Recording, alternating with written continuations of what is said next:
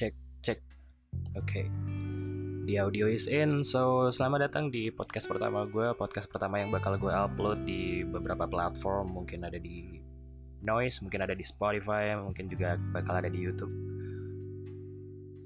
Ya jadi sebelumnya kita mungkin perlu perkenalan sedikit. Perkenalkan nama gue Alexander Dimitri. Gue mahasiswa semester 5 di salah satu universitas di Yogyakarta. Nah jadi mungkin kita ngomongin sedikit banyak tentang diri gue dulu sendiri. Mungkin pengalaman-pengalaman gue selama kuliah sih mungkin yang paling relatable dan paling bisa diomongin di saat-saat seperti ini. Oh ya jadi podcast kali ini akan terdengar monolog bukan terdengar sih emang monolog. Um, karena gue mau mencoba untuk collab sama siapa-siapa juga mau ngundang siapa-siapa juga. Gue belum punya um, apa sih itu namanya? Apa sih itu namanya portofolio ya portofolio karya yang udah gue bikin. Jadi gue mau ngajak orang collab gitu ya gue siapa gitu kan. Nah kembali ke kembali ke rencana obrolan tadi ya rencana obrolan tentang perkuliahan. Mungkin kali ini karena gue semester 5 dan ini udah termasuk semester tua ya udah hampir lulus. Jadi gue bakal ngomong sedikit banyak tentang penyesalan-penyesalan yang gue rasakan penyesalan-penyesalan yang sekarang baru gue sadari. Karena emang katanya kan penyesalan datang di akhir ya. Kalau datang di awal namanya registrasi. Wididadadadada wadidau. Ya penyesalan penyesalan gue yang gue rasakan setelah gue hampir lulus ini setelah gue menyadari bahwa gue udah udah cukup tua untuk um, jadi mahasiswa produktif jadi mahasiswa yang gue impikan ketika gue maba Jadi penyesalan pertama adalah gue nggak jadi mahasiswa yang ambis. Itu adalah salah satu penyesalan. Gue mungkin adalah salah satu mahasiswa yang jarang banget belajar. Gue mungkin salah satu mahasiswa yang bisa dibilang kebanyakan main, terlalu banyak main. Dan gue meninggalkan, bukan meninggalkan juga, maksudnya gue tidak menganggap belajar sebagai suatu suatu keharusan dan gue tidak menggunakan uh, gue tidak menjadikan belajar sebagai suatu habit. Habit gue adalah berangkat kuliah nongkrong main dan lain sebagainya. Kalau ada tugas ya tugas dikerjain dan udah sam cukup sampai situ aja. Gue baru mulai mau belajar bareng gitu kumpul-kumpul ada study group. Sama teman-teman gue itu baru-baru ini aja baru-baru di semester 5 ini. Dan itu yang itu yang bikin gue menyesal. Itu penyesalan pertama gue gue merasa mulai menyesali hal itu. Kalau lo tanya kenapa apa yang jadi trigger gue untuk menyadari bahwa gue menyesali? Gue bukan orang yang menyesali uh, study habit gue yang tidak terlalu sehat. Itu adalah ketika gue mulai belajar gue mulai niatin untuk belajar dan ternyata di situ gue sadar kalau sebenarnya gue pinter kalau gue belajar. Jadi selama selama lima semester ke belakang di mana gue nggak gue nggak belajar belajar banget itu gue selalu merasakan halangan tiap kali UTS tiap kali uas gitu gue selalu ngerasa kayak gue nggak bisa ngerjain soalnya gitu. Gue cuman bisa ngerjain soalnya ala kadarnya aja.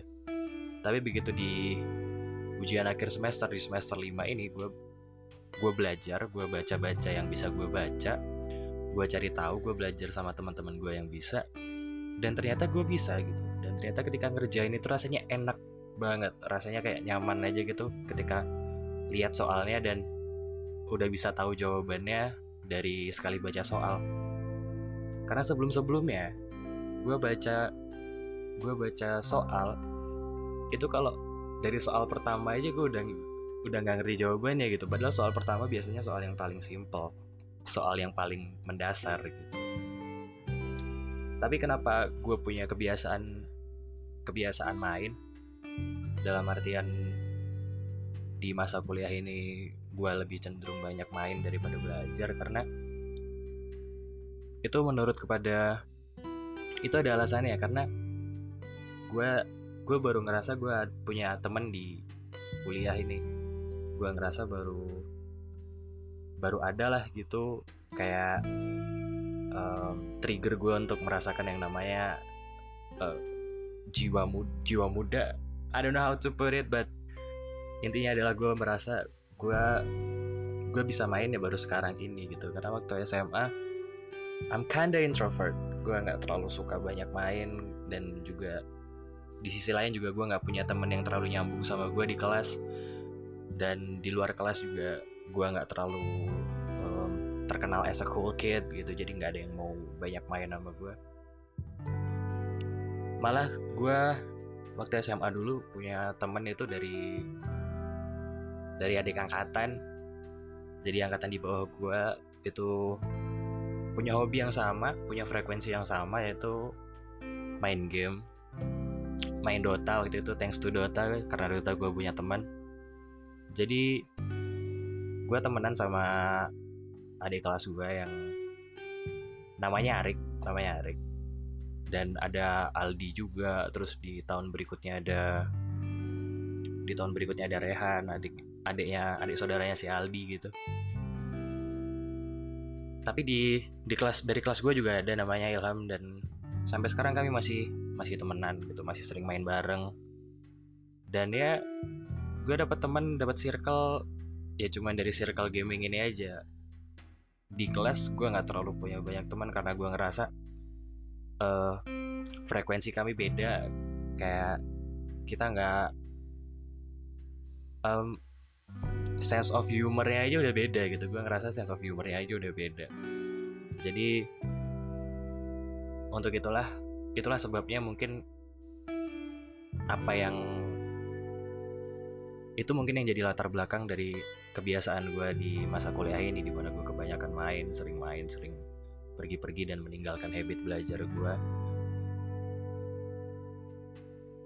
dan juga uh, tapi ya at the end of the day itu gue sesali gitu. Kenapa kayak kayak sebenarnya juga di masa kuliah ini gue terkenal sebagai anak yang supel. Gue punya banyak temen di sini.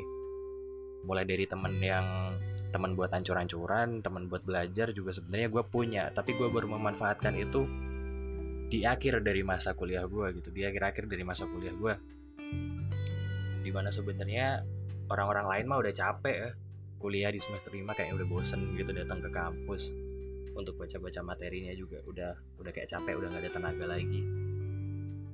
Tapi gue baru gue baru mulai membangkitkan uh, study habit gue memperbaiki study habit gue itu baru di semester akhir ini. Dan itu adalah salah satu hal yang fatal menurut gue karena I cannot change what I, what I have done. Kayak semester 5 udah hampir udah udah ada di penghujung kuliah gitu. Tapi gue baru sadar kalau gue baru mengetahui apa yang benar dan apa yang salah di akhir seperti ini it's it's a bad thing to do gitu. Mungkin buat kalian-kalian yang masih ada di semester awal main itu perlu emang main itu perlu. Main itu luar biasa perlu karena dari main lo dapet relasi dari main lu bisa melepaskan sedikit penat lo dari dunia hiruk pikuk belajar yang udah pasti akan sangat berat ya di dunia kuliah itu. Belajar kalau belajar lo anggap terlalu serius belajar lo anggap kayak harus suatu keharusan yang sangat harus gua rasa lu bisa stres eh, cok hujan cok. Mohon maaf mohon maaf nih. Hujan. Ini variabel yang tidak bisa di variabel yang tidak bisa dikontrol. Ya udah lupain aja. Mungkin nanti bakal diatur sedikit lah efek-efeknya. Background noisesnya dikurangin bisa lah santai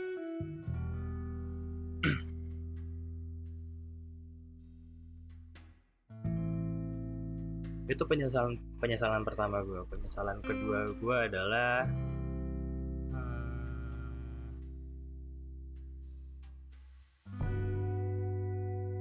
apa ya? Penyesalan kedua gue itu sebenarnya bukan nggak bisa dibilang penyesalan juga ya tapi lebih ke kenapa ya ya ya penyesalan sih penyesalan sih. Penyesalan sih. Gue nggak penyesalan kedua itu gue nggak terlalu aktif dalam hal cari-cari peluang untuk uh, studi ke luar negeri. Padahal kampus gue menyediakan itu dengan kuantitas yang sangat banyak dan kualitas yang sangat baik.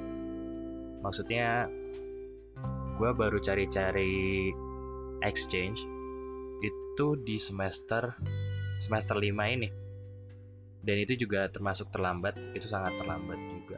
Jadi buat kalian-kalian yang masih maba-maba gue sarankan mulailah cari exchange karena itu akan sangat berpengaruh bagi diri kalian. Entah itu experience-nya entah itu um, entah itu individual experience atau itu mungkin bisa menghiasi CV kalian di someday in the future itu sangat penting. Exchange itu akan sangat penting dan uh, keinginan untuk gabung exchange itulah yang akan nanti memicu kalian. Misalnya kalian punya uh, skill bahasa Inggris yang masih cemen ketika kalian ingin ketika kalian terpicu untuk ah gue pengen exchange nih dan tuntutan dari exchange itu adalah kalian harus mampu berbahasa Inggris dengan baik. Kalian akan terpicu untuk kalian akan terpicu untuk belajar bahasa Inggris lebih gitu yang sangat gue sayangkan dari diri gue adalah gue punya kemampuan bahasa Inggris yang cukup mumpuni. Gue punya kemampuan untuk uh, tidak hanya written atau list listening aja tapi gue juga punya uh, skill English speaking yang lumayan baik. Tapi gue tidak gue tidak memanfaatkan kelebihan gue itu untuk untuk bisa lebih unggul daripada yang lain gitu. Jadi keunggulan gue ke gimana ya kemampuan bahasa Inggris gue itu cuman gue pakai untuk mengungguli teman-teman gue dalam mata kuliah bahasa Inggris and that's it. Padahal teman-teman gue yang lebih oportunis teman-teman gue yang lebih yang lebih aware akan uh, the opportunity of going abroad studying abroad itu mereka kadang skill bahasa Inggrisnya sorry to say mereka jauh di bawah gue untuk tes aja mereka masih untuk tes untuk tes TOEFL aja mereka masih cemas dan segala macam ya. Dan angka hasil tes TOEFL mereka juga it's not really good jauh di bawah gue tapi mereka bisa gitu.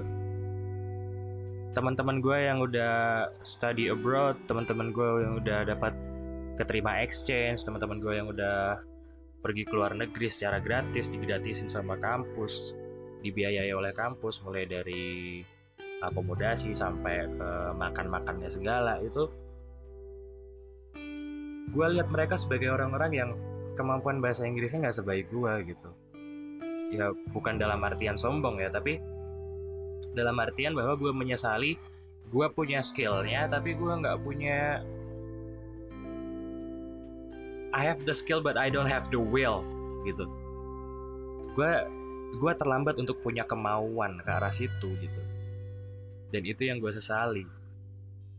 Jadi itu juga mungkin bisa jadi insight buat teman-teman semua yang mungkin masih maba.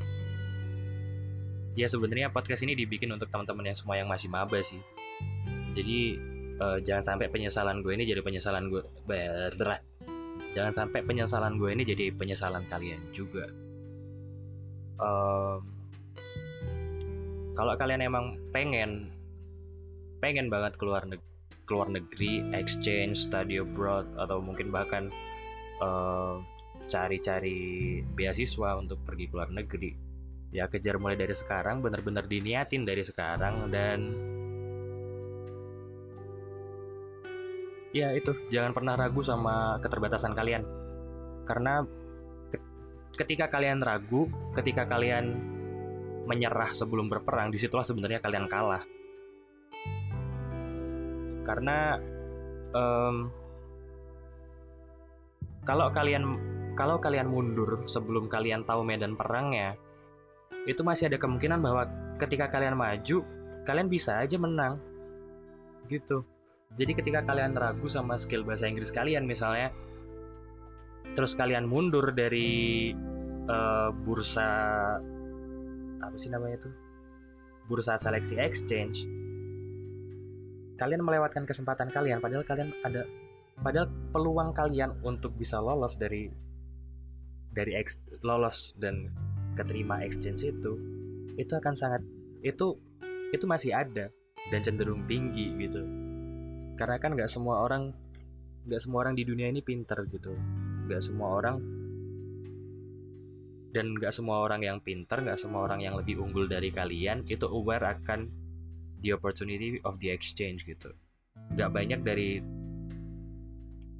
mungkin dari teman-teman kalian seangkatan di kampus yang aware akan exchange aware akan studying abroad beasiswa dan lain sebagainya itu cuma segelintir orang aja gitu. Jadi dengan skill yang bisa dibilang dalam tanda kutip nggak seberapa kalian tetap punya peluang lolos karena yang ikut juga cenderung sedikit kalau dibandingin sama jumlah keseluruhan angkatan. Gitu. Jadi sebenarnya um, untuk kalian-kalian yang masih masih baru dalam dunia perkuliahan atau bahkan masih baru mau masuk kuliah ketika kalian kuliah nanti pesan gue adalah take every single opportunity that come past your eyes. Ambil semua ambil semua peluang yang lewat di depan mata lo. Gue nggak peduli lo ngerasa kecil karena lo merasa nggak punya skill ambil itu peluang. Karena somehow you will learn about it and you will figure it out as soon as possible. Dan di lain sisi juga, kalau at the end of the day lo nggak bisa, lo terbukti tidak kompeten, lo bisa segera mundur. Dan itulah indahnya dunia kuliah. Iya kan? Ketika lo ngambil exchange misalnya, ngambil exchange dan lo lolos di seleksi-seleksi awal, dan ketika di gimana sih? Gimana bilangnya? Sorry. Ketika lolos ketika lo lolos exchange dan di pertengahan ternyata lo gagal ya at least lo bisa ngerti gitu gimana di mana lo gagal apa yang kurang dari diri lo itu lo bisa ngerti. Dan contohnya juga ketika lo ini akan gue ini akan gue bahas lebih lanjut di uh, penyesalan berikutnya ya. Um, ketika lo udah ngambil suatu opportunity dan lo merasa nggak sanggup lo bisa mundur lo bisa mundur gitu. Ya mundurnya mundur aja. Karena uh, in fact adalah sebagian besar dosen ketika mereka udah lihat bahwa kita kita punya we have the will but we don't have the skill. Dan tapi kita berani berani untuk maju tapi ternyata kita di tengah jalan goyah. Itu sebenarnya mereka bisa memaklumi. Jadi jangan pernah menganggap bahwa eh, nggak uh, enak sama dosennya dan segala macam. Mereka bisa ngerti men. Mereka mereka orang-orang berpendidikan. Mereka orang tenaga pengajar. Mereka udah mereka udah mereka udah bergumul mereka udah berjibaku dengan yang namanya mahasiswa itu mungkin nggak setahun dua tahun ya.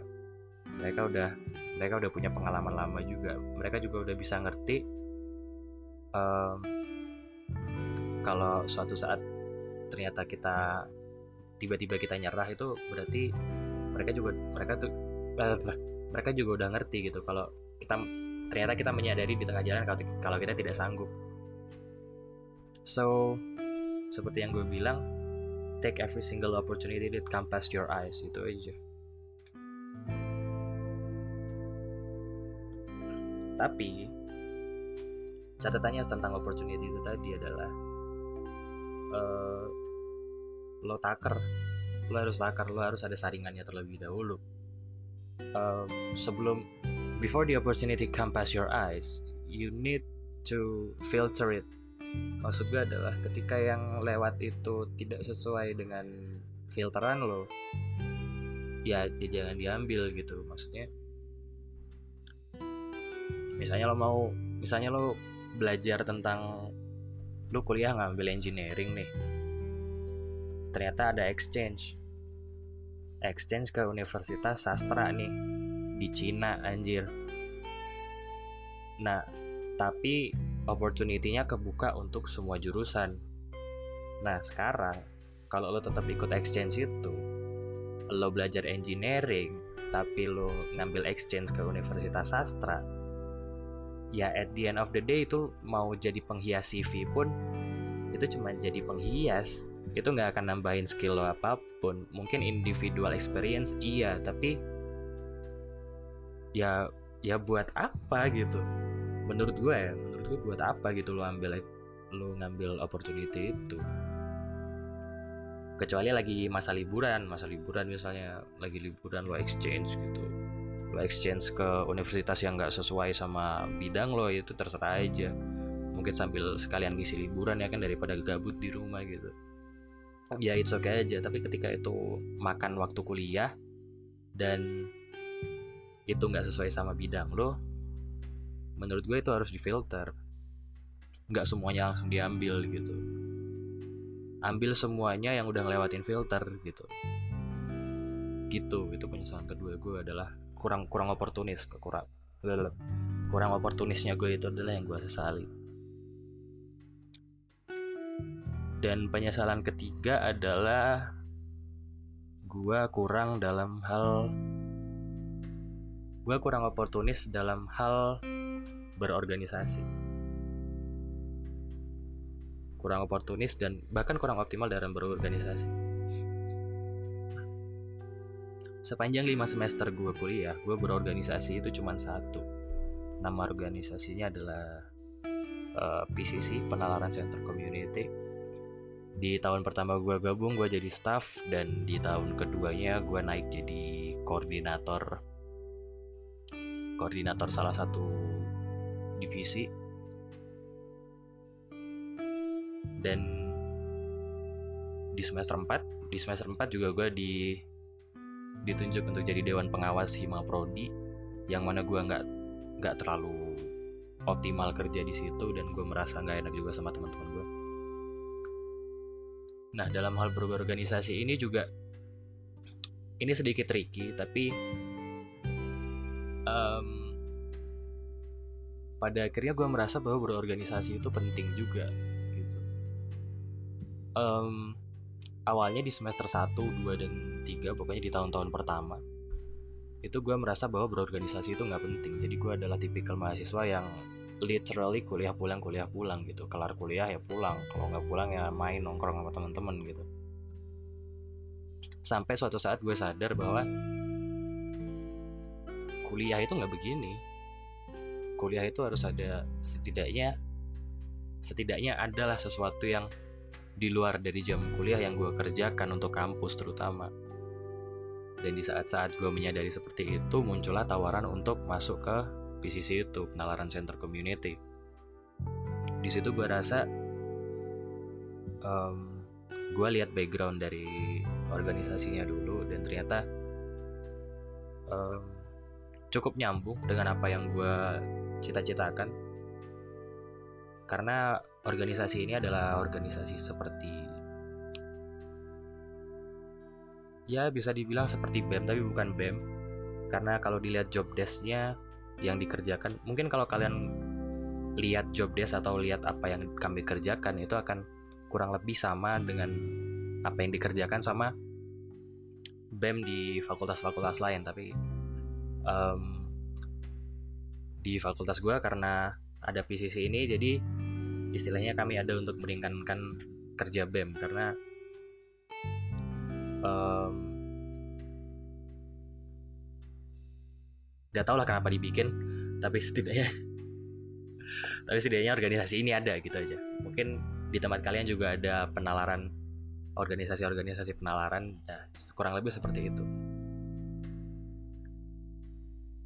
Nah, setelah memasuki setelah memasuki PCC ini, setelah memasuki organisasi ini, gue menyadari bahwa penting juga ternyata untuk berorganisasi gitu. Di situ gue kenal sama orang-orang yang kompeten, gue kenal sama orang-orang yang uh, memulai entrepreneurshipnya dari masa kuliah, bahkan uh, sampai dia punya startup yang lumayan maju dan di situ gue amazed dengan kenyataan bahwa wow ternyata dunia kuliah ini luas dan dan ternyata selama ini gue diem aja itu adalah suatu hal yang fatal suatu hal yang sebenarnya nggak bisa nggak boleh dilakukan sama sekali. Tapi di lain sisi juga uh, di tahun kedua gue gabung di PCC di tahun di mana gue jadi koordinator divisi itu gue gue merasa pekerjaan gue nggak terlalu optimal.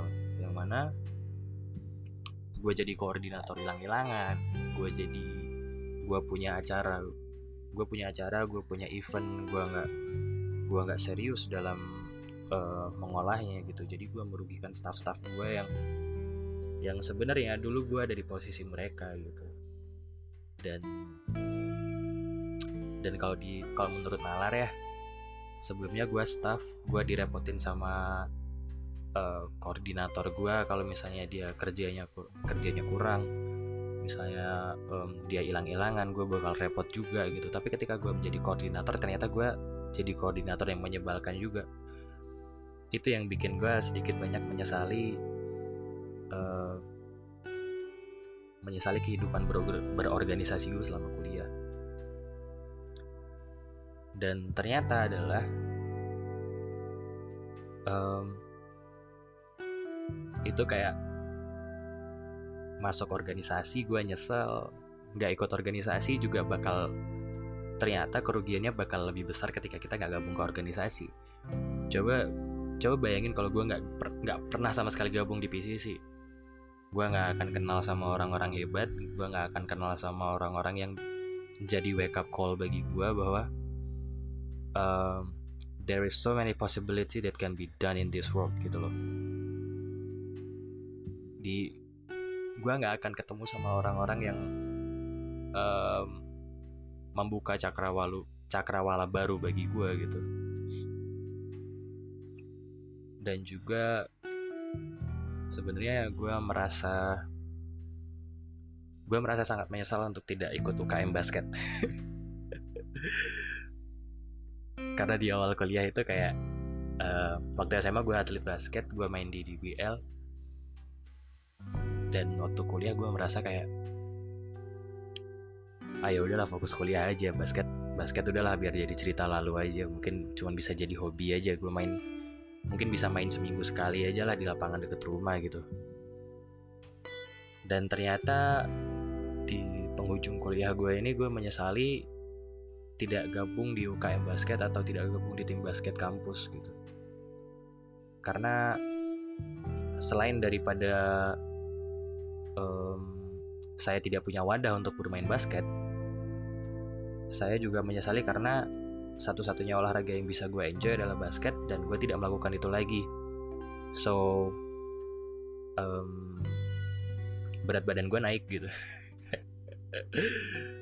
gue tiga tahun kuliah men naik 15 kilo brengsek. gue masuk kuliah atletis coy. Mau lulus obesitas bangsat. jadi itu sih penyesalan penyesalan gue selama di masa kuliah jadi pesan gue adalah um, buat teman-teman yang udah dengerin sampai akhir ini pesan gue adalah jangan sampai penyesalan gue itu jadi penyesalan kalian juga pokoknya pokoknya yang pertama itu tadi yang pertama mulai ya kita kita review ya kita review ya. Mohon maaf mohon maaf podcastnya kurang rapi. Udah monolog ngomong sendiri ya kan? Podcast pertama lagi. Ya lu kira gue siapa gitu? Ini gue ngomong sama monitor anjir. Ya maklum lah bingung. Jadi mulai dari yang pertama tadi penyesalan gue untuk tidak belajar. Nah jadi buat teman-teman yang masih maba atau masih yang masih jauh dari tahun kelulusan pesan gue adalah main itu nggak apa-apa. Main itu nggak apa-apa. Kalian perlu main. To be honest kalian emang beneran beneran bener-bener perlu main. Perlu sedikit refresh di otak kalian. Tapi jangan pernah lupa juga bahwa kalian masuk kuliah untuk belajar bukan untuk main. Jadi sebisa mungkin sedikit banyak kalian juga perlu belajar seklise klisenya kata belajar kalian itu emang perlu belajar. Karena apa? Jangan sampai skill kalian itu mengkhianati gelar kalian yang kalian dapat nanti gitu. Kayak lu punya gelar di engineering tapi misalnya lu gelar di electrical engineering tapi motor stepper aja lu nggak ngerti apa apaan apa itu motor stepper kan? Itu berarti kan lu mengkhianati skill lu mengkhianati ijazah lu. Pokoknya belajar sama main itu eh, bahkan nggak bisa dibilang harus imbang ya. Maksudnya lo harus 70 70% belajar 30% main. Karena uh, masa kuliah ini adalah kesempatan terakhir lo untuk mempersiapkan diri untuk menuju dunia yang lebih luas gitu. Dunia yang lebih luas dunia yang lebih kejam. Dan yang kedua hmm, be an opportunist. Jadilah orang yang oportunis um, cari kesempatan-kesempatan yang pengen kalian ambil ambil kesempatan kesempatan yang pengen kalian ambil kalian maksimalin. Maksimalkan semua fasilitas kampus kalian udah bayar uang gedung kalian udah bayar UKT atau apa pun namanya itu. Maksimalin itu maksimalin uang kalian uang orang tua kalian yang udah masuk ke kampus. Jangan sampai uh, jangan sampai uang yang kalian bayar ke kampus itu dinikmati sama orang lain tanpa kalian nyentuh sedikit pun gitu maksudnya kalau di kampus ada ada fasilitas untuk apa, fasilitas untuk kembangin diri, fasilitas untuk kembangin entrepreneurship, dan dimodali untuk kampus. Take it man, ambil, ambil. Perkara lu nggak ada ide entrepreneurship, pasti ada jalannya. Pasti kalian akan dibikin suatu forum di mana kalian bisa ngobrolin tentang entrepreneurship sesama mahasiswa. Dan kalian di situ bisa kolaborasi, kalian bisa ngembangin ide-ide entrepreneurship kalian. Kalian bahkan bisa di dapat modal gede dari kampus karena kampus itu sangat senang ketika mahasiswanya terlihat kreatif gitu dan um, kampus-kampus itu pasti akan memfasilitasi kalian-kalian yang punya ide kreatif, punya ide entrepreneurship, terutama entrepreneurship. Isu entrepreneurship ini lagi naik-naiknya sekarang. Jadi kalian manfaatin itu kalau kalian punya ide itu bagus, tapi kalau kalian belum punya ide tentang entrepreneurship, dan ada peluang untuk entrepreneurship ya kenapa enggak? Ambil itu mungkin kalian bisa kolaborasi sama teman-teman yang udah punya ide sebelumnya.